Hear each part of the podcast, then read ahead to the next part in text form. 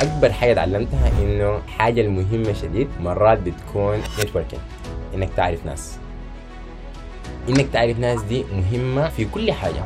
ودي دي الحاجة اللي أنا يعني ما كنت متخيل يعني كنت متخيل إنك أنت إذا كنت كويس في الحاجة اللي بتعملها خلاص أنت أمورك ظبطت لكن ما ما طلع إنه دي الحاجة الكافيه يعني كون انت تكون عندك شبكات كويسة أو متشبك مع ناس كويسين دي حاجة مهمة شديد لأنه هم حيفيدوك إذا في شغل حيفيدوك في شغل. إذا محتاج لقروش لقدام حيفيدوك. فالموضوع بتاع الشبكات دي حاجة مهمة خالص خالص.